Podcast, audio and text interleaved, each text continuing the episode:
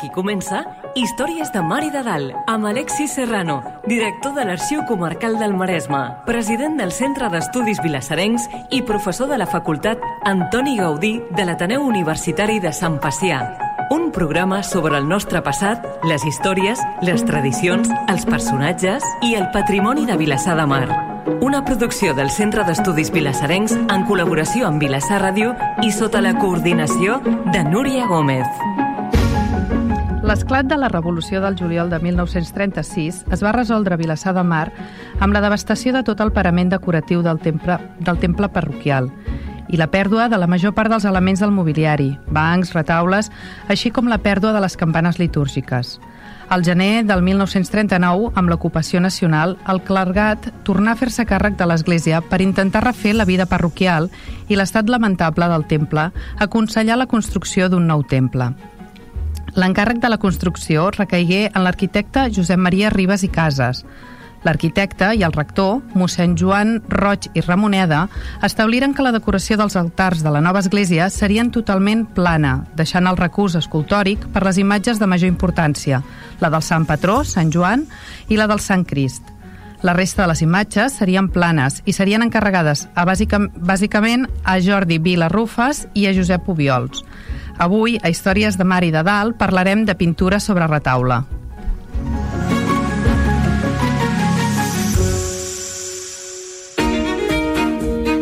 Històries de Mar i de Dalt. Entrant en matèria. Benvinguts. En el programa d'avui parlarem amb la Puri Martín de pintura sobre retaule. I l'Alexis ens podria fer cinc cèntims no, sobre el tema d'avui? Doncs bé, sí, avui hem triat un tema... Eh, bé, que el, aquestes paraules prèvies al programa parlen de que el, programa, el programa doncs, versa sobre històries, personatges i patrimoni. I avui hem triat un element patrimonial del, del patrimoni del nostre municipi, concretament el patrimoni religiós del nostre municipi, per tant, de la parròquia de Sant Joan, hem decidit parlar de retaules. Eh, i per què parlar de retaules? Doncs perquè la nostra església, a diferència de moltes altres que ens envolten, eh, en els altars no hi ha imatge exempta.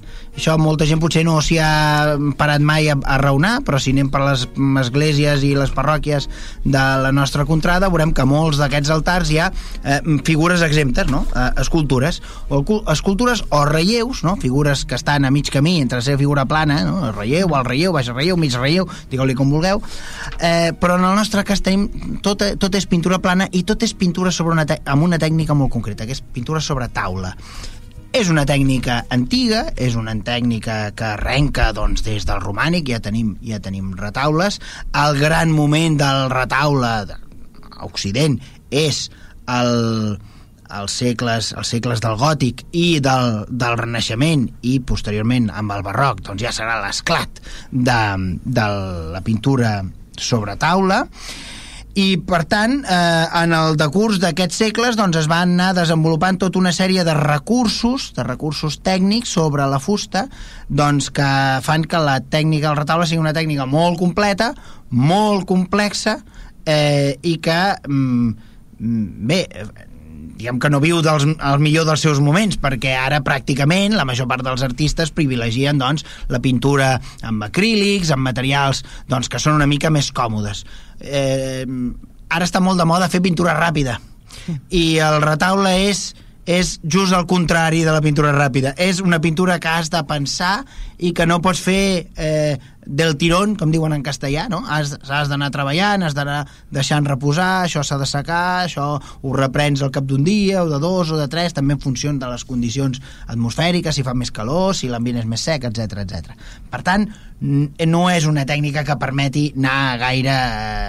Eh, no va amb el signe dels temps, és una tècnica reposada, és una tècnica que vol, que vol molt, de, molt de coneixement, eh, és una tècnica que, que té a veure amb l'artesania, de fet. És, és, un, és, un, és un ofici. És un ofici, realment.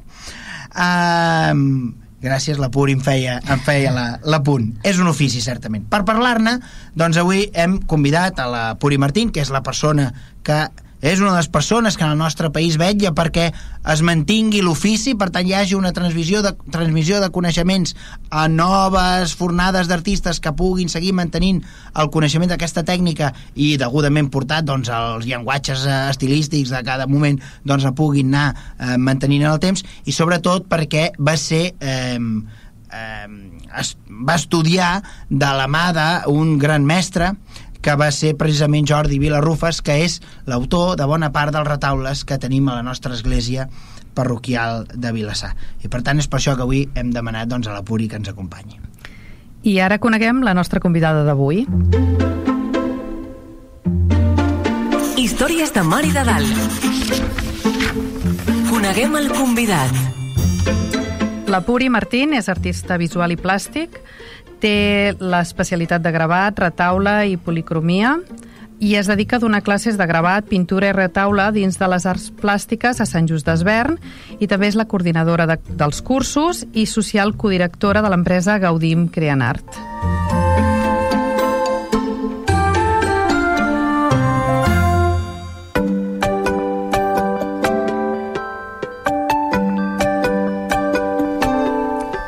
Benvinguda, Puri. Hola, moltes gràcies.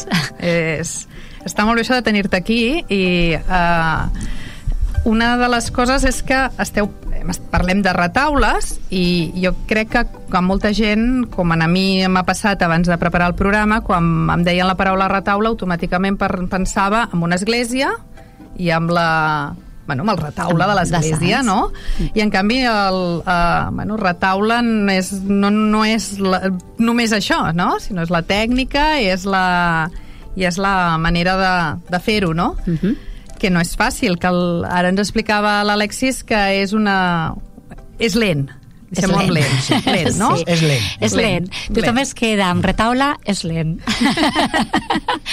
I això, estem, el que acaba de dir l'Alexis, els temps que corren, els hi tira enrere a molta gent per continuar, continuar amb aquesta tècnica. Uh -huh. Perquè, clar, és una tècnica que agrada molt el resultat, però el procés o t'agrada o no t'agrada.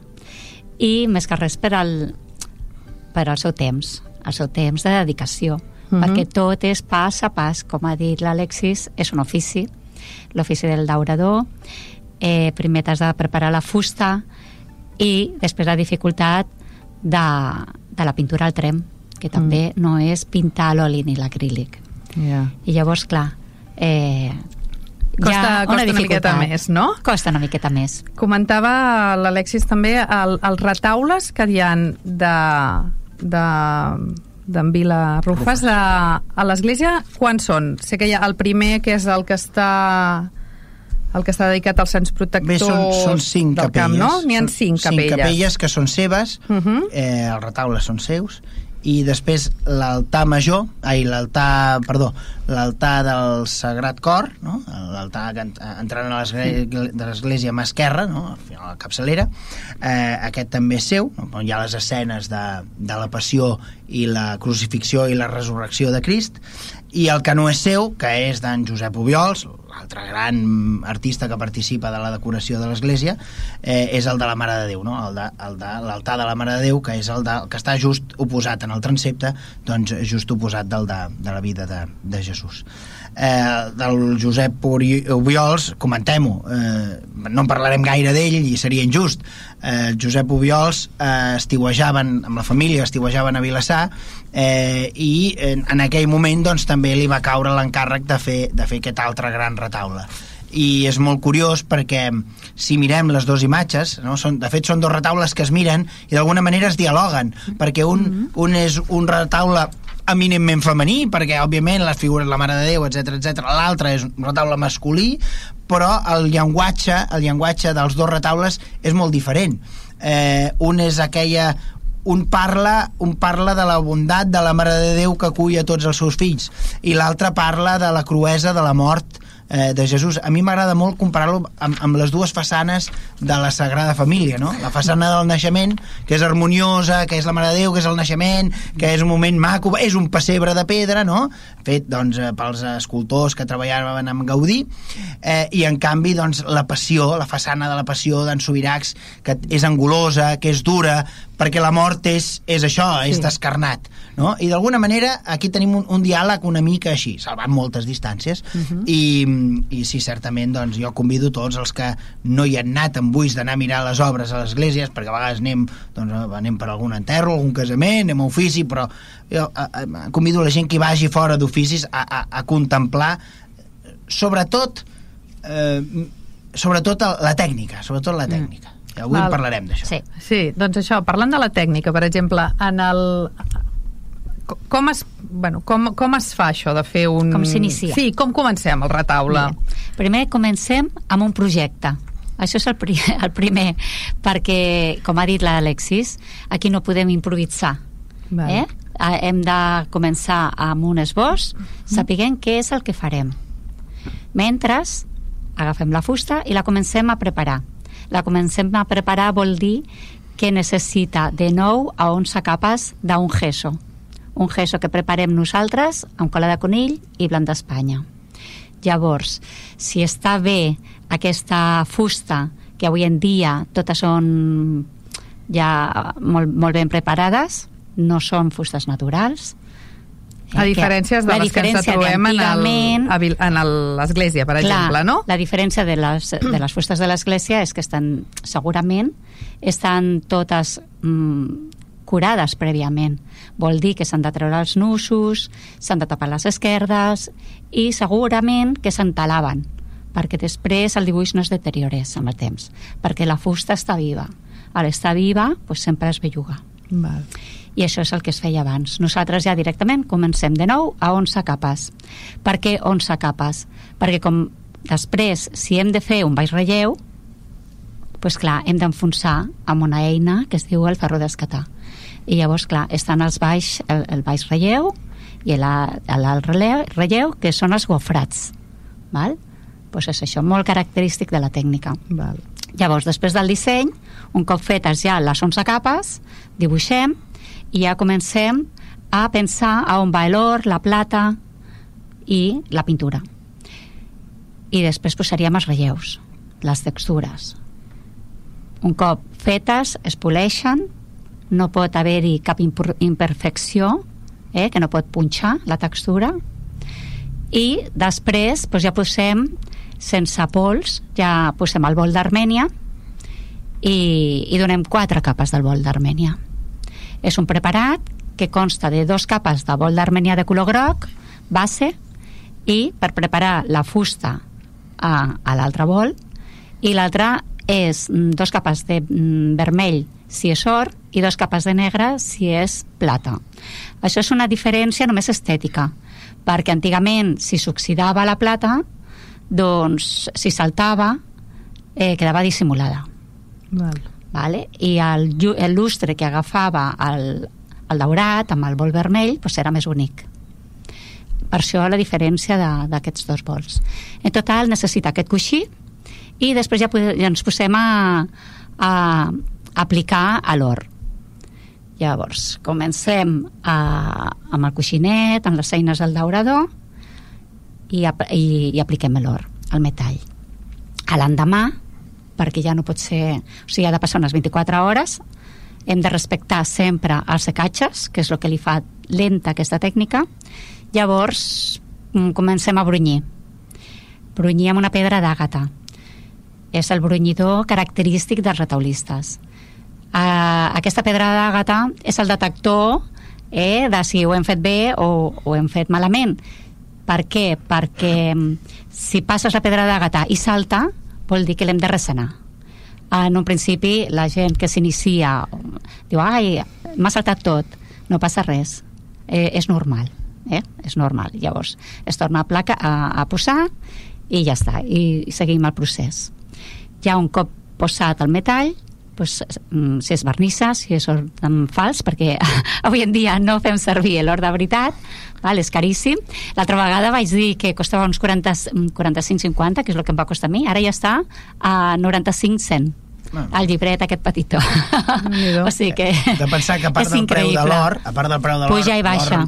que ja, ja puja de per si, o puja mm, o baixa, sí. però a més a més hi ha la feina de convertir-lo en pa d'or. Mm -hmm. Que això s'ha de fer de forma també manual, cada vegada hi ha menys artesans que fan aquesta Sí. feina, Mm. i, i clar, heu de pensar que és una gota d'or batuda, però batuda a mà, per fer un, uns folis que després han, vull dir, no, el preu no és, no és només el preu de l'or que ja de Que per ja si la és. matèria primera Mhm. és cara, sinó que a més a més és el procés d'elaboració sí que és veritat que l'or és la matèria més dúctil, és el material més dúctil que hi ha al planeta, és, a dir, és el que es pot estirar més i més i més, però no és, no és fàcil No, no, d'aconseguir clar. aquesta ductilitat. Llavors això, això és el que implica que el preu, doncs clar, cada vegada sigui més car. Sí. Mhm. pues, pues això. Però també és veritat que és, són els materials que es feien servir sobretot quan parlem d'imatgeria de, de, d'església, sí. són Sí. els materials que es feien servir per fer els vestits dels sants, les aures, els nimbes, eh, Sí. eh, llavors eh, eh, els rajos, no? De, de, que no sé, els rajos, doncs... Eh, Bueno, Sí, segons, els- segons el contracte, el que pagava, segons els diners que tenia... havia d'haver una quantitat d'or Sí. o una altra i es O feia de servir... Eh, Era un recurs que es feia servir Sí. molt concretament, perquè és allà on t'hi van els ulls, realment. Sí. Els, Sí. els, som, una mica, som una mica urraques, eh? i els ulls dels humans també ens van, això. I, i no som massa diferents, la gent del segle XIV, amb nosaltres. Que va, Vull que dir, érem els mateixos sàpiens, sempre ho dic. Sí. Llavors l'or fals no existia. I el que sí que es feia es posava plata, qui no tenia els diners i volia simular or, li donaven unes capes de goma laca i eh, simulava l'or. Això es deia la colradura. Eh? I això és el que imitava l'or sense ser-hi. Estàvem parlant dels diners. En, en, sí, no, no. Dels diners. Di- dels diners que costa tot això. El vil metal. El vil metal, exacte. Eh, evidentment, a fer els retaules de l'església doncs, van, costava calés i es anaven fent a mesura de que, de que hi havia...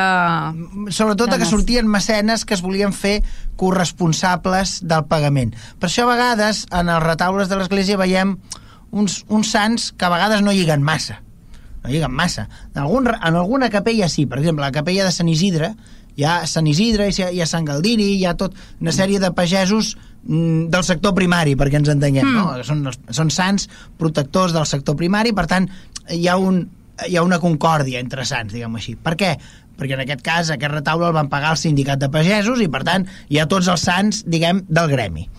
Però hi ha altres retaules on hi ha sants que dius, i aquest i aquest per què estan junts? Doncs perquè simplement doncs perquè hi havia dos o tres paganos no? eh, que van pagar per la, per la creació d'aquest retaule i llavors volien que hi apareguessin els seus sants preferits o bé el sant de la persona que, del nom que tenien les persones que pagaven i per això a vegades hi ha uns sants que no, no lliguen massa un amb l'altre, però això passa no aquí, passa a totes les esglésies no? en funció del pressupost doncs es fan, es fan unes combinacions de sants una, a vegades poden ser una mica estranyes eh, però, però bé, tenen a, responen això a qui pagava no? i en el fet- nostre cas també tenim això vull dir, això, malgrat que hagi estat fet als anys 40 però les dinàmiques són les mateixes de, del segle XIV, del segle XV a part de la tècnica, també les, la, la societat que hi ha al darrere és, era molt similar I en aquest retaule que comentaves tu, que és el de la capella dels Sants Protectors del Camp, de fet, tu si te'l mires així d'entrada, et dona la sensació de que al darrere hi ha roba. Hi ha com una tela, no? Sí. Com, com... Però realment és el mateix retaule. Com, com s'aconsegueix que, que tinguis aquesta imatge, o sigui, que te'l miris i pensis que, que estiguis veient un... que, que hagin pintat sobre un tros de roba? Bueno, perquè això és el gofrat que deia. Ahà. Eh? És, això s'aconsegueix amb el ferro d'escatar segons les capes que dones a la fusta llavors tens molt coixí a tenir aquest coixí pots rebaixar i, llavors, i, i vas treballant aquesta eina aconseguint uh, un volum Val. Entre eh, que poses i, i rebaixes doncs aconsegueixes I aquestes textures són el que fan eh, especialment particular la Sí. tècnica del retaule. Sí. O sigui, a diferència d'una tela que pintada, Sí, a no es vegades sí que amb la perícia del, del, del, del pintor pots veure doncs, uns jocs, uns punts de fugues, unes perspectives, no? si les figures són més grans o més petites, et dona la sensació que estan més endavant o més endarrere, Sí. tot i que és una superfície plana, Mm. però en canvi és més difícil és més difícil poder trobar aquestes textures. En canvi, aquí les textures hi són. Mm -hmm. En aquestes textures s'hi diposita la pols, en aquestes textures doncs, eh, hi, hi ha una profunditat, perquè és una profunditat real, mm -hmm. eh, perquè hi és, de mil·límetres, però, però hi és, i això l'ull ho percep. I per tant, quan es busca fer un, una tècnica com aquesta, eh, s'està buscant això. És laboriosa. Sí, i a més és la seva característica, perquè, per exemple, el Vilarrufas, quan ens ensenyava la tècnica, ell def defensava eh, els gofrats, eh, el, les seves textures, tot això és, és molt ric. Ell li deia, mira quines filigranes, eh? Te'n recordes que deia, mira quines filigranes? Perquè ell estava orgullós de tota aquesta riquesa que, que, que aconseguíem amb aquestes textures i que rebaixaves i que els gofrats aquests, eh? Uh -huh. I després amb els cisellats, que també és molt característic de la tècnica. Cisellar només es pot amb la tècnica del retaule, que són uns cisells de metall i amb una maza de fusta anem picant i anem dibuixant. Aquí, en els retaules del Vilarrufas, veureu els fons, eh? El fons del sant, ell fa dibuixos i crea dibuixos com, com flors, crea creus, eh, geomètrics, i, i són molt bonics. I tot això és a base de picar, amb una perfecció espectacular. Sí. Val? Uh -huh. Per exemple, estic pensant ara en el retaule I... de la Mare del Roser, sí. que és, jo crec que allà hi ha el compendi, allà, sí. allà hi és tot. tot sí, tota les... en aquest és, és brutal. Allà es veuen, hi ha un roser que volta sí. la Mare de Déu fet de roses, fet de roses, però clar, són roses, sí. clar, és entre el que ja has afegit, no? el mm -hmm. guix que hi afegeixes i, lo que, I lo, la pintura, la el pintura, volum. Les, i, les, i, les... I el metall i és tot, jo crec que aquell, aquella, allà s'hi va lluir especialment. Sí, sí, aquesta és una meravella. Aquesta a més de lo de los rosers si us fixeu té el volum que acabes de dir dels gofrats té el daurat i després està pintat a sobre eh? que això es diu estofat aquesta tècnica. I mm, veureu que són bueno, sants quan tenen el daurat llavors es pinta i hi ha un escuradents, avui en dia, amb un palet de fusta, doncs anàvem dibuixant, i anàvem creant plecs i anàvem creant dibuixets. Mm? I llavors ell, amb, amb, aquesta, o sigui, amb aquest retaule, hi ha de tot. O sigui, hi ha de tot. De totes les tècniques, és, no? Estan totes les tot tècniques que es poden trobar a la tècnica del retaule. Mm. El, el retaule, sabem si... O sigui, li van dir aquest retaule o ell va proposar... Sabem si... Com, qui, qui va decidir no, no, no, no hi havia massa marge, hi havia un contracte... I, I allà deien eh? aquest, aquest i aquest. Exacte. Mm. Llavors el que sí és Aquí que... Aquí m'has de posar Sant Josep Oriol i a l'altre costat m'has de posar... I al mig hi va tal i... Val. I llavors a vegades, a part, que hi ha un altre encàrrec, una obra menor, no? a mm. vegades hi ha alguns retaules als costats, no? més petits, per exemple, la, la, la, la imatge de Sant Ramon de Sant Ramon Donat, per exemple, mm -hmm. hi, ha, hi ha alguns més petits que aquests ja es veu que aquest ja hi ha un comitent concret que paga només i és una figura que, que sembla un quadre, no? té la forma d'un quadre, no és tota la, tot el fons de la, de la capella, sinó que té la forma d'un quadre i està en els, en els laterals d'aquestes capelles. No? Aquí es veu que hi ha un, un comitè en concret, segurament, molt probablement, un senyor que es deia Ramon, si no de nom o de cognom, ara tampoc ho hauríem de mirar, però, però ja es veu no? que Bueno, de, de fet, en alguns, que no, no en aquests del 40 no ho sé, eh, però que molts de vegades l'Angelet té la cara d'algú que és el que ha pagat, sí, sí, sí. per exemple. Bueno, en el cas del Vilarrufas, és la seva dona, i ah, ell mira. mateix. Hi ha un retaule que surt ell mateix, és el primer que pinta. És curiós. I això, això passa molt sovint. Sí. De fet, el, en, tornant a l'Ubiols, eh, eh, l'Ubiols pinta, pinta aquí, i contemporàniament que està pintant l'església nostra, pinta també la pujada al Cambril de la Mare de Montserrat a l'abadia de Montserrat. I en Josep Obiols, el polític, el nostre contemporani, nostre contemporani, aquest senyor que és gran, que ha sigut eurodiputat, etc etc, però aquest senyor ho diu, diu que, que, que la seva cara, pujant al Cambril de la Mare de, de Montserrat, ja, ja és tres o quatre vegades de quan era un infant, diu, jo convertit en un angelet, un angelet socialista, és bo que també n'hi ha, doncs, doncs, eh, doncs hi és, no? I això és una cosa molt normal, perquè pintes les cares que estàs acostumat a pintar, però molt probablement sí. eh, aquesta gent es pintaven a casa eh, per practicar, llavors una cara que saps que et surt bé, pues una, una cara home. que és real, una cara sí. que és real perquè existeix, i per tant jo crec que eh, això és molt, és molt usual, passa.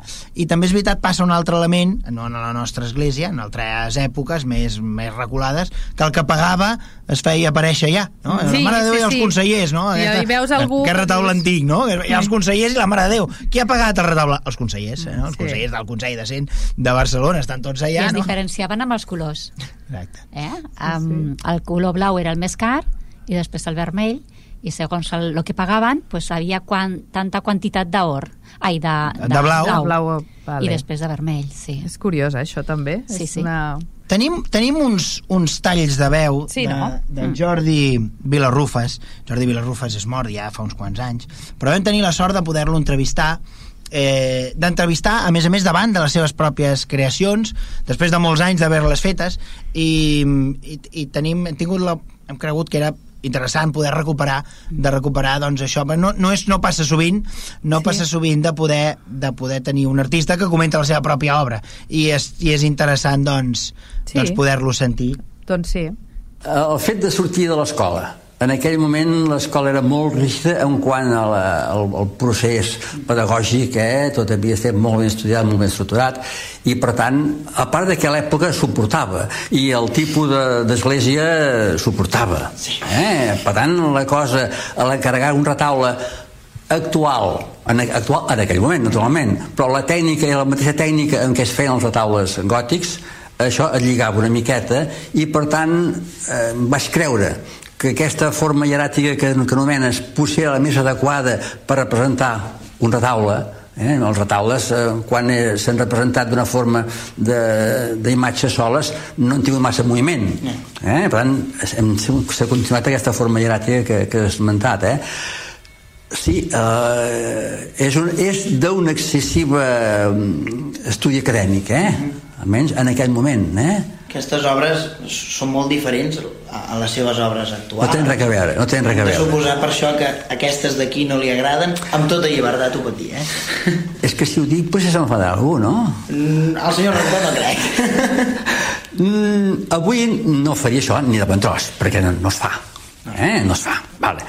Eh, M'agraden en quan eh, veig l'esforç que hi havia tècnicament per resoldre una sèrie de problemes eh? i per tant hi ha solucions tècniques decorativament i pictòricament molt ben solucionades eh? i en tant si bé el, el concepte de l'estil mm, no respon a el que jo crec que hauria de ser en aquest moment i més posteriorment a l'art religiós però en aquell moment es feia entre altres estils, es feia aquest en aquí eh, possiblement en altres llocs d'Europa la cosa és molt més avançada eh? però en aquí es, es feia se seguia un estil més o menys així fixem-nos que els altres altars que hi ha que no són fets veus mm, responen també a una idea bastant semblant a la, a la meva eh? per tant, ara, tècnicament el, el meu respon molt a, a un coneixement que en aquell llavors tenia jo del, dels recursos de la tècnica o que començava a tenir perquè després s'ha anat evolucionant eh? Molt bé. Doncs eh, al final li agradava o no li agradava el que veia? bueno, ja ho hem sentit ell molts anys més tard, ja ho deia, no ho faria, no ho tornaria a fer. Ell va fer el que li van encarregar de fer. És veritat, ell comenta, era molt acadèmic perquè acabàvem de sortir de l'escola i en aquell moment s'imposava això, i a més a més ho diu, aquí concretament es feia això, en altres llocs Ja no. el panorama era un altre, però també és veritat que no hem de, no hem de jutjar amb els nostres ulls de- de- d'haver entrat al 2000. Per què? Perquè mm, aquell era un art que responia a unes lògiques d'un moment concret, un context històric, i sobretot tinguent en compte que era estem encara abans del Concili Vaticà II que proposarà des d'un punt de vista teològic i artístic una renovació dels llenguatges artístics al servei de la fe, de la doctrina, de, de la catequesi. I per tant, eh, en aquell context antic, en aquell context antic, era el que tocava. I, i ell ho valora, ell diu, diu però des d'un punt de vista tècnic i des d'un punt de vista, diu, com s'han resolt eh, les qüestions des d'un punt de vista tècnic, diu, diu, jo estic molt orgullós que això molts artistes passa, que passen els anys i diuen, no, no m'acaba d'agradar, i en Sí. canvi ell ho diu, ell ho valora. És que ell era molt reaci a venir a Vilassar a veure els retaules. De fet, ell sempre esquivava, eh? Quan li sortia el tema no volia saber res. I quan va venir i ho va veure després de molts anys, va dir, pues no està tan malament. I és per això. Jo crec que fins i tot es va emocionar, eh, quan els va veure. Perquè- Eh, Alexis? Era, era, era, era un modern, realment Sí. era un modern. De, Sí. És a dir, i van anar innovant molt, va anar de, a compassadament, a, a mesura que anaven passant els anys i el panorama eh, artístic òbviament, anava canviant i ell va innovar molt. Estic pensant, per exemple, en algunes de les seves creacions d'intentar aplicar el, el retaule sobre en vidre, metacrilat, amb metacrilat, mirall, amb, amb l'or volant, formes, formes mm, tri, tri, tridimensionals. Com sí, com sí, escultures, sí, sí. sí. Vull dir que ell va evolucionar molt, va portar la tècnica mm. als, als, als confins de la pròpia tècnica, no? Sí. Però llavors, clar, jo imagino que anant a l'origen d'una tècnica, a més a més, amb un context que era artesania pura. Mm. Quan es, el que es valorava era l'artesania pura. En un altre tall eh, explica també com l'arquitecte li feia preparar el fuster en capilla, capilla d'aquí a Vilassar, li feia preparar el, les fustes amb uns placats i uns contraplacats perquè aguantessin bé la mollena que implica totes aquestes, hem dit 11 capes, però no poden ser més, sí, no? i per tant, mullar la fusta ja sabem que és algo que no, no és algo massa, massa intel·ligent de fer, en canvi el retaule és el que requereix, no? I, i ell, i ell, com, ell com, eh, eh, va ser interessant veure això, com es va emocionar davant d'això sí. i com valorava la seva pròpia tècnica. Hi ha un altre tall que, que el sentirem? Considero que avui en dia eh, la tècnica del retaule és l'obra realitzada amb la mateixa tècnica amb què realitzaven els retaules gòtics, eh? amb la fusta preparada, amb la pintura al trem d'ou, com que són fins al trem d'ou, que és que s'utilitzava, i l'utilització dels pans d'hort i d'argent. Eh? Aquesta és la, la característica. Naturalment, actualment eh, l'obra meva ha anat evolucionant intentant al màxim partir d'aquesta tècnica, sense de fugir de la tècnica, treure el màxim partit. I cada obra que he anat fent ha representat un estudi de veure què més puc aconseguir amb aquesta tècnica. Tot aquest eh, realisme fred i acurat, eh, d'això n'he apartat totalment. Eh? La cosa és molt més simple, molt més, molt més eh, diguem-ne, abstracta, eh? perquè el, les altres que, que un disfruta més és quan treu el màxim partit de la tècnica sense que representi res, tant, no cal que hagi representació anecdòtica, sinó simplement el, el màxim partit de lo que pot donar tècnica, tant amb el color com amb la textura, com amb la qualitat, com amb l'aplicació de l'hort actualment, eh, com que existeix la, una imitació que s'oxida, en certs moments pot interessar mm, precipitar l'oxidació de, de l'hort com l'oxidació de la plata per aconseguir noves qualitats. Eh? Bueno, anava avançant, anava agafant les noves tècniques i les noves coses que sortien, eh, d'alguna manera, bueno, és el que dèiem, no? Vull dir, tu també quan fas una cosa la fas amb el que tens en aquell moment, després tu mires al cap de no sé quant de temps i dius, ara ho faria diferent, no?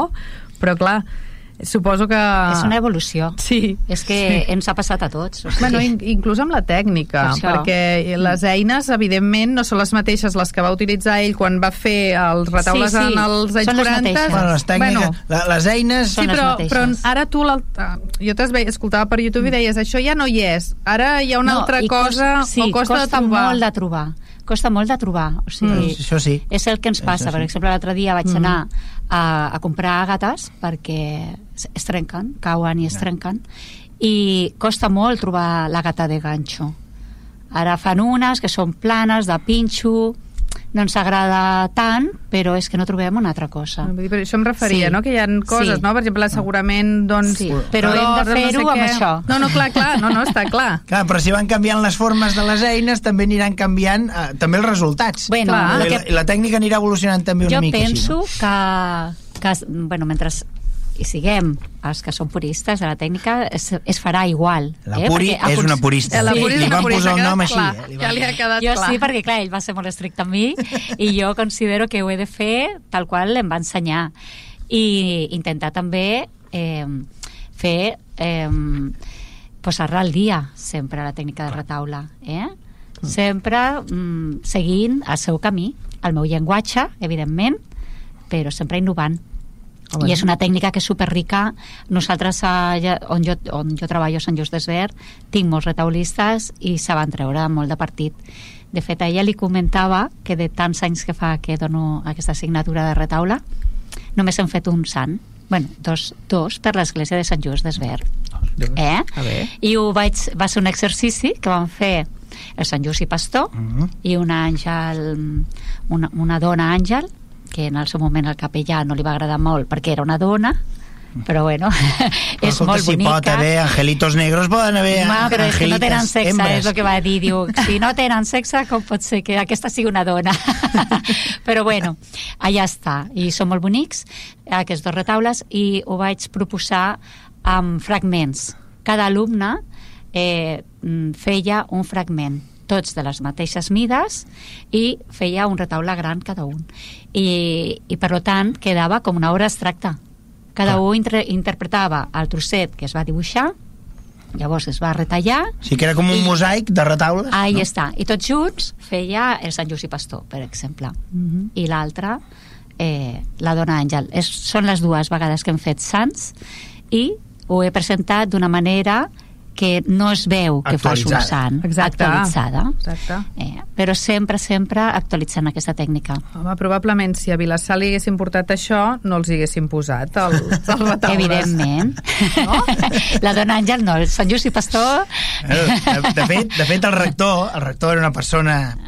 eh, Ja era un senyor gran, de fet, quan li va tocar reconstruir l'església i, i, i, i encomanar tot el parament eh, decoratiu de l'església, ja era un senyor gran, eh, clar, i va arribar a fer de rector Vilassar, va guanyar la plaça, perquè aleshores la plaça de rector eh, es treia per oposició, per concurs d'oposició, i mossèn Roig va guanyar la plaça l'any 18, eh, va arribar l'any 18 eh, quan va venir la guerra ja feia anys que era rector i va morir el 57 vull dir, encara, li, encara va acampar uns quants anys però clar, un senyor eh, òbviament molt conservador des d'un punt de vista d'un punt de vista diguem de la concepció artística molt conservador, tan conservador que en Vilarrufes ho explicava eh, la, la, la, la túnica de Sant Cristòfol la túnica de Sant Jo et Cristòfol volia preguntar per aquest Sant Cristòfol, eh? perquè que no es veu així d'entrada, no es veu. No veu. L'has d'anar a buscar. l'has d'anar a buscar l'has d'anar a buscar Doncs eh, direm que el vagin a buscar. que el vagin a buscar.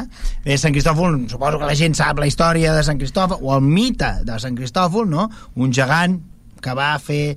Jesús havia tra trapassar, tra- travessar un riu, però Jesús, de nen petit, havia de travessar un riu i llavors eh, baixava molta aigua i llavors Sant Cristòfol, d'aquí ve el nom, Cristoferens, no? Crist Cristòfor, que porta, el que porta Crist, doncs el va agafar i el va fer travessar d'un costat a l'altre de forma segura. I llavors, a Sant Cristòfol, a Sant Cristòfol de la nostra església es veu al costat del riu, no?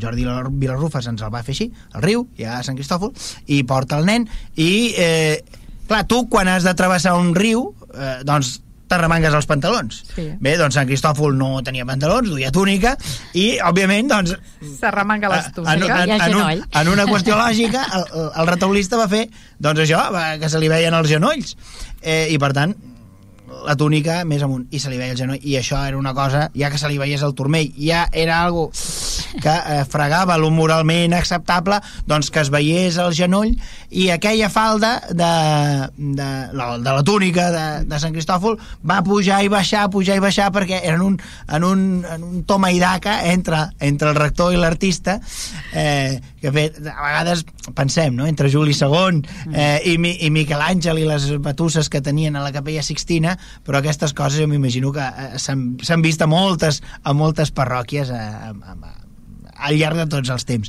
i en Vilarrufes doncs li va tocar viure aquesta Sí. anècdota I a més que aquesta anècdota eh, repercuta una miqueta perquè a la pintura al trem eh, eh, no és com a l'oli que agafes el color i ja tens el color aquí t'has de fer els colors i mm, si no encertes el color significa que has de repassar tota la pell Clar. O sigui Tenia- que li va donar feina, Li va donar eh? molta sí, feina. segur, segurament, un, i no és una peça especialment gran, però clar, si, que, Mm. si penses que fer i desfer eh, el que implica? És molt Bueno, doncs jo que, algú gent vagi, que vagin a buscar-lo i que ho vegin, vagin eh? buscar. I que, I que ens vagin. diguin el què de la túnica, si es veu molt o es veu poc, no? Estaria bé. Heu dit que hi havia el retaule aquest de, dels Sants Protectors, que, va fer, que es va fer ell, uh, el del Roser, Sí, i quin, tres més en falten o quatre? I Has el- dit cinc capelles i, I el, el un, de la Mare de Déu de Montserrat, que és tot una peça. No? tot una peça. No? El, de- pa- La Puri diu que no, eh? És una peça, però no és seu. No és dir. seu. Ah, Ah! aviam, eh, fem-ho al revés, contem-los. Sí. Bé, a la dreta només hi ha un quan entres Que és és el el de, el de Sant Isidre del Llaurador. i, quan I companyia. ja te'n vas a l'esquerra I els I el primer l'esquerra? no és, és el segon. El primer no, vols dir el baptisteri, no? El baptisteri no hi ha retaule. No, sí, els primers retaules que hi ha... El baptisteri no és seu, no? No. estem I després ja és el segon, tercer... Llavors els de l'esquerra. Sí. Val. Aconsellable, sobretot, el nostre criteri, el de la Mare de Déu del Roser. Sí. Aquest jo crec que és l'indispensable. Sí. I després el, de, el del Sagrat Cor de Jesús, que és el, el gros, el gros de... de hi ha totes les major. escenes. Hi ha, hi ha la- l'hort de Getsemaní, hi ha el- l'oració a l'hort de Getsemaní, hi ha el, el, la crucifixió, el davallament de la creu i la resurrecció no? És la, que és la figura principal no? està Jesús que puja al cel amb els braços oberts eh, voltat de rajos d'or no? Eh, llavors aquí també El però, vestit. sí, sí, eh, vestit eh? Sí, no? Que expliquis la història, l'anècdota també has explicat. Ah, explica-la tu No, explica-ho tu, lo del vestit. Jo no la puc explicar perquè no la sé, o sigui... Però l'Alexis sí, que ell ho explica molt bé. el què, el què? El vestit de la Mare de Déu, que li va fer també corregir perquè estava molt apretada. Bueno, sí, clar, sí, I sí. se li marcava Eh, tot el muslo. Les, les curves. Les curves. Sí, i hi ha un altre problema també amb, amb Santa Helena. Hi ha una Santa Helena que porta La la, creu Helena. i, home, és una figura certament un pèl voluptuosa. Clar. És a dir, I amb aquella també hi va haver Li problemes. marcava molt la figura. Sí, sí, sí. Sí, I perquè porta un cinyell, no? I se li veu... Se li ve, si li veia, li marcava una miqueta el que era Bueno, però Les és que Santa curves. Helena no és una santa sí. verge qualsevol, és una santa mare, perquè és la mare de Constantí, vol dir que va infantar una criatura, per tant, Per tant, una dona, ser una dona mare eh, té, té unes curves que una dona Sí, sí. verge, doncs, mm, per qüestions òbvies, doncs no, no, no té, no? li va haver de fer el vestit a més holgat perquè li, va, li marcava molt. Sí. És curiós, perquè, clar, anem, anem parlant d'això, eh, de, de que si el... Les anècdotes. Que si les anècdotes... Bueno, no, però el fet aquest, no?, de que si se li apreta molt el d'allò, que si se li veu més la cintura, que si se li veu el genoll o no se li veu... I mirat des amb els ulls d'avui dia, penses, veia tonteries, no? Ja. Vull dir Sí. que al final... Bueno, clar, és que ara tu veus un anunci d'una- colònia i és gairebé una pel·lícula pornogràfica, si ho analitzes. Estem tan acostumats a veure nusos, eh, sí. no, nusos suggerents. Sí. No són nusos normals No. com els pots veure al Prado, no? la Sí. maja desnuda, no? que, que no, no interpel·la massa. Vull dir, No. Eh, no, no, no vull ficar-me ara amb Goya ni molt menys, però vull dir, no, no és que et cridi i t'es digui en xat o mira... Sí. No, no, No. no, no és això. Eh, però en canvi veus un anunci d'una colònia o un, o, Sí, eh, vull dir, estem, tenim, rebem tants inputs tan sexuats, no? Eh, Mm.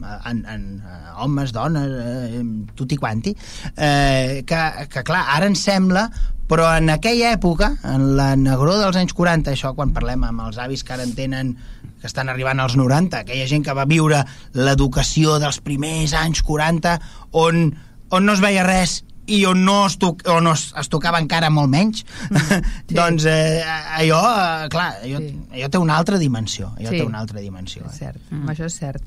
Perquè, clar, la- l'Església, una altra de les coses, parlant de més potser de la part eh, física, d'on estan aquestes, aquests uh, retaules, dèiem que, clar, 36, mm, el 39, que és quan d'allò, no, es, no, no estava tan malmesa, vull dir, decideixen fer-la com nova, Sí, sí, realment eh, l'església, el, el mobiliari es, es va buidar, es va Bueno, això ho devien cremar, Es no? va cremar, Mm. eh, l'església es va convertir, va ser durant, durant la guerra, va, ser, va estar convertida en un aparcament de camions, Mhm. de camions, cotxes que entraven i sortien, eh, però l'església estava, es mantenia, l'església del segle XVIII es mantenia en peus, tenia tot el que havia de tenir. Jo sempre dic que si ens volgueren fer una idea més o menys com era l'església de Vilassar, és tan fàcil com anar a l'església de Cabrils l'església de Santa Creu de Cabrils perquè si sem es, es, es, deurien assemblar molt. Jo no la vaig veure a l'església de, de Vilassar no la vaig conèixer per lògica però sí que és veritat que tenim fotografies i per exemple veus les balustrades de, sobre les capelles. Vull dir, eren esglésies molt similars. A més a més es van anar construint amb el mateix temps i per tant la part interna s'assemblaria bastant.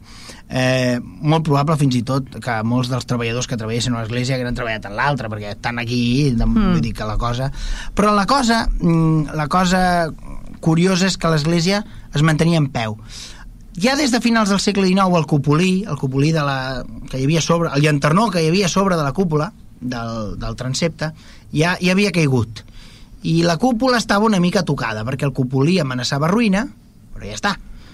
Però sí que és veritat que, clar, l'església era molt petita. Una església que es comença a construir a primers dels eh, els anys 20 del segle XVIII, quan la població del veïnat de Mar de Vilassar és molt escassa, doncs clar, la població havia crescut molt i, i després de la guerra la població de, de Missa és encara més superior, perquè durant els anys 30 la gent havia, havia anat descuidant una mica el compliment eh, de les seves obligacions. De les seves no? obligacions, però en els anys 40 amb això no s'hi juga i molta gent que ha de netejar l'expedient, molta gent doncs, que ha, ha tingut implicacions polítiques, doncs s'ha de fer veure molt a l'església, l'església estava molt concorreguda després de, de la guerra i cal fer una església nova. Hi ha molts interessos econòmics que empenyen per construir una església nova, això també s'ha de dir, eh, construir una església nova, i, i bé, eh, l'any 39, al gener, a finals de gener del 39 ja hi ha un projecte per fer l'església nova, li encarreguen en Josep Maria Ribas i Casas, ja ho has dit abans,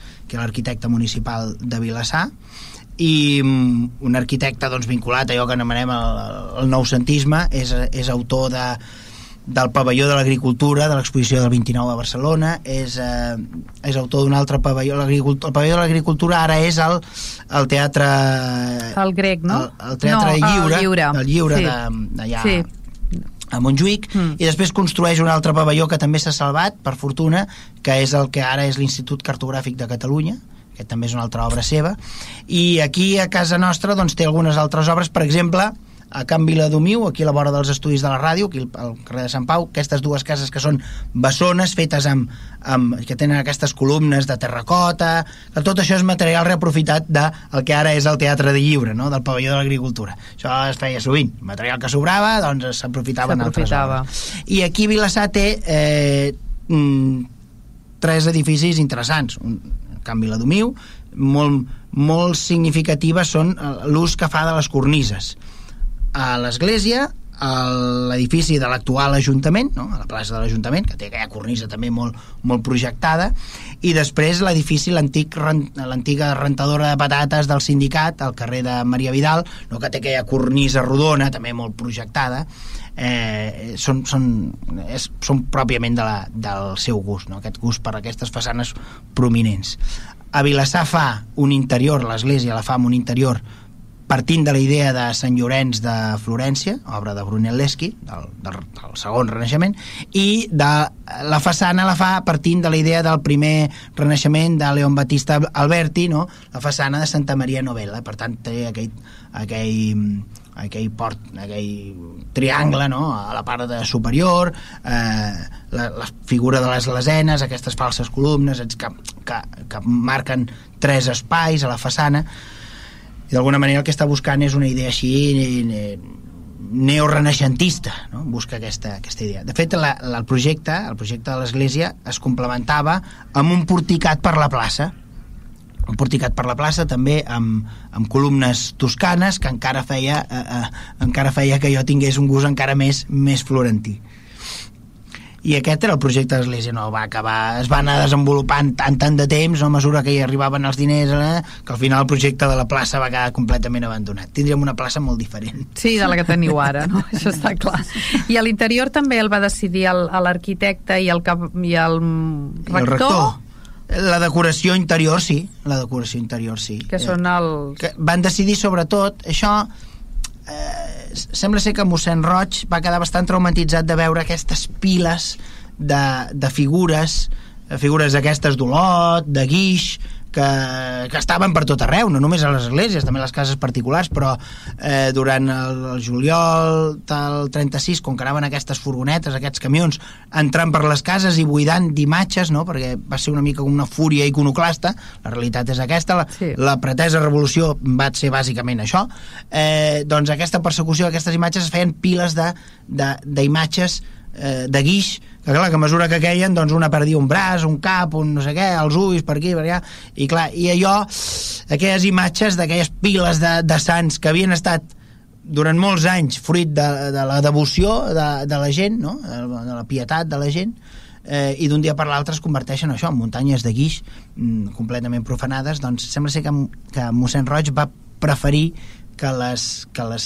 que la, de, la decoració fos això, eminentment plana i van reservar el recurs de l'escultura, de l'escultura exempta, per la imatge del Sant Cristó Gros, que és una escultura sobre, un cru, sobre una creu, un crucifix gros, no? el Sant Cristó Gros, i la figura més important, que és la que es treu en processó per Setmana Santa i durant la Quaresma, i l'altra gran figura important, que és la de, del sant nostre protector, Sant Joan, que és el que està dalt de tot del, de l'Alta Major, que és obra de l'escultor Manel Martí Cabré, Uh -huh. i que és una figura monumental perquè em sembla que fa, no sé si fa 3 o 3 metres i escaig els àngels són més grans que una persona normal I els angelets que tu els veus que semblen petits i tu et poses al costat de... jo que he estat al costat d'un d'aquells àngels eh, i ja tenia 16 anys vull dir que ja era un, un tio més o menys format doncs l'àngel igualment era més gran que, que jo no? un tros de cap així eh, i el recurs el van guardar per, per aquestes dues figures és veritat que algun saberut em dirà ah, a l'església també hi ha la imatge de la, de la Mare de Déu de Lourdes eh, que també és una imatge exempta sí, però això, aquesta és afegida més tard mm, molt més tard quan ja mossèn Roig no hi era i el, la idea inicial es havia anat pervertint una mica El que està clar és que ell estava amb la idea de que no volia sants i llavors decideix, bueno, figures, més Sí. que sants, figures, perquè No, sants, sants hi són. Volia dir figures. Aquí el que hi ha és això, és imatge, mm. imatge plana Sí, sí. No, no, està bé, està bé.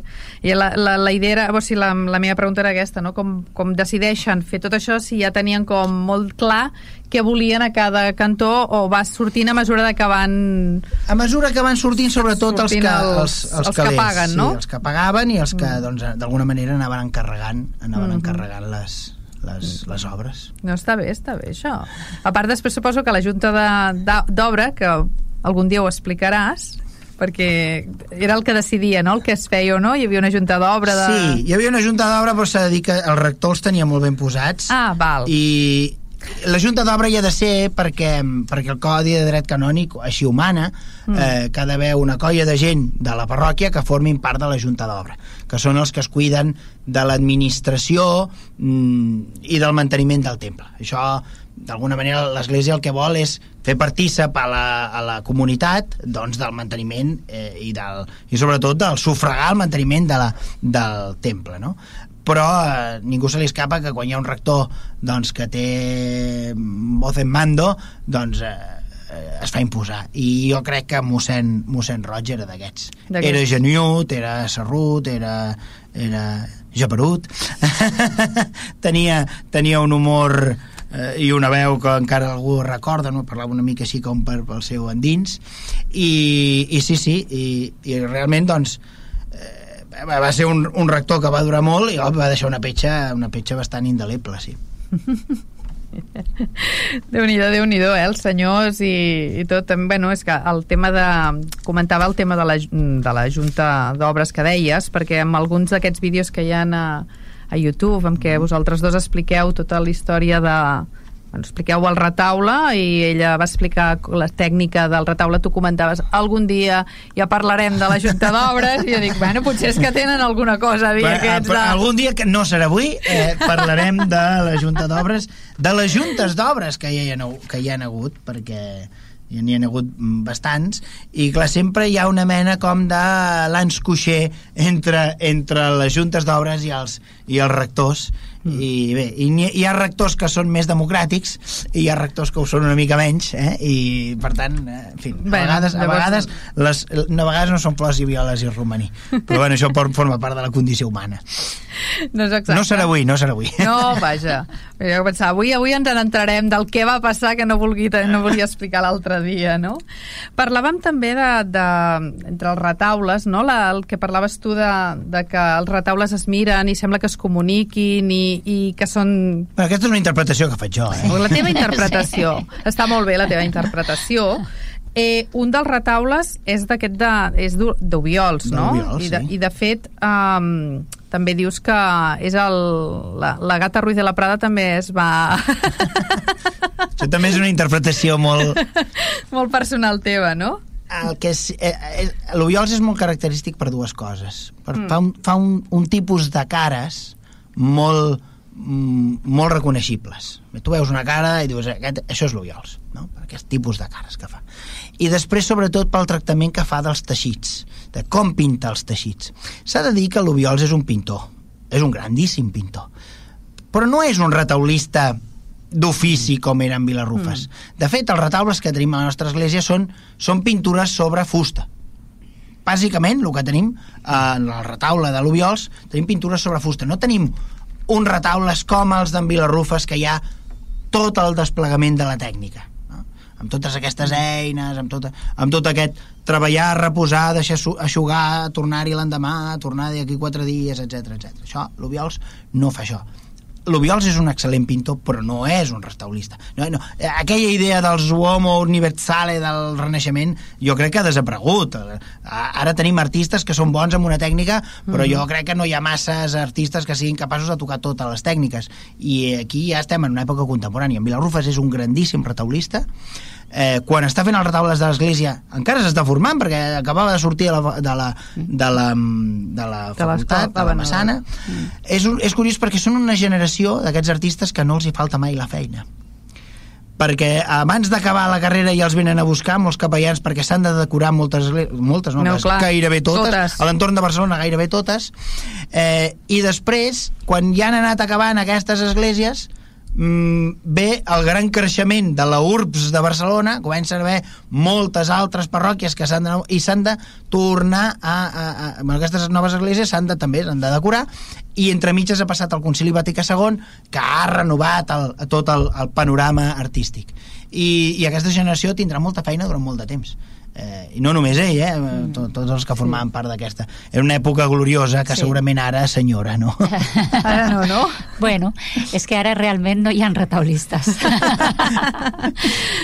um, bueno. uh, Se'ns acaba el temps. Va. Llavors, uh, no sé si amb tot el que hem parlat hi ha alguna cosa que, que la Puri digui ostres, això no ho hem dit, això no ho hem explicat... Doncs mira, el que et comentava abans, no? de, com sempre va associada a la tècnica del retaule amb, amb els sants, uh mhm. -huh. doncs que realment fem retaules però no pintem sants. O sigui, ens hem adaptat avui en dia a, a, als nostres temps i llavors pintem el que volem. Eh? No, ja no ens regeix l'església i, i no hem de pintar sants. Però avui en dia encara es diu, fas retaule, ah, no sabia que, que fessis sants. No, no, és que no faig sants. val? pues reivindico això. fer retaule no vol dir fer sants. Bueno, tu n'has fet dos. Eh? N'heu bueno, fet dos, eh? col·lectivament. Sí, jo només un trosset igual que ells. Eh? Jo també vaig voler participar. Has fet un trosset de sants. Sí, també vaig fer un trosset de roba i llavors a l'església de Sant Just Aneu pues, hi ha un full amb una numeració i cada retaulista, diguem, eh? cada, és autor cada, de la seva cada autor, és, sí, i llavors estan numerades i està amb el seu nom i tot el conjunt fa els dos retaules. Doncs qui vulgui veure obres d'en Vilarrufes que vagi a l'església de Sant Joan, sí. qui vulgui veure obres de la Puri i dels seus alumnes i dels seus companys que vagi a Sant Just d'Esvern. I a Vilassar hi han d'anar perquè han de trobar un, Crist un Sant Cristòfol. I una Santa Helena. I una Santa Helena. Voluptuosa. Exacte, exacte.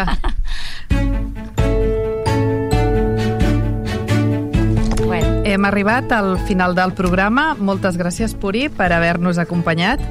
I recordeu que podeu tornar a escoltar el programa a través de vilassarradio.cat i a Spotify buscant històries de mar i de dalt. També us podeu subscriure al canal de Spotify per rebre el programa cada setmana. Adeu i fins al proper programa. Històries de Mar i de Dalt, un programa sobre el nostre passat, les històries, les tradicions, els personatges i el patrimoni de Vilassar de Mar. Una producció del Centre d'Estudis Vilassarencs en col·laboració amb Vilassar Ràdio i sota la coordinació de Núria Gómez.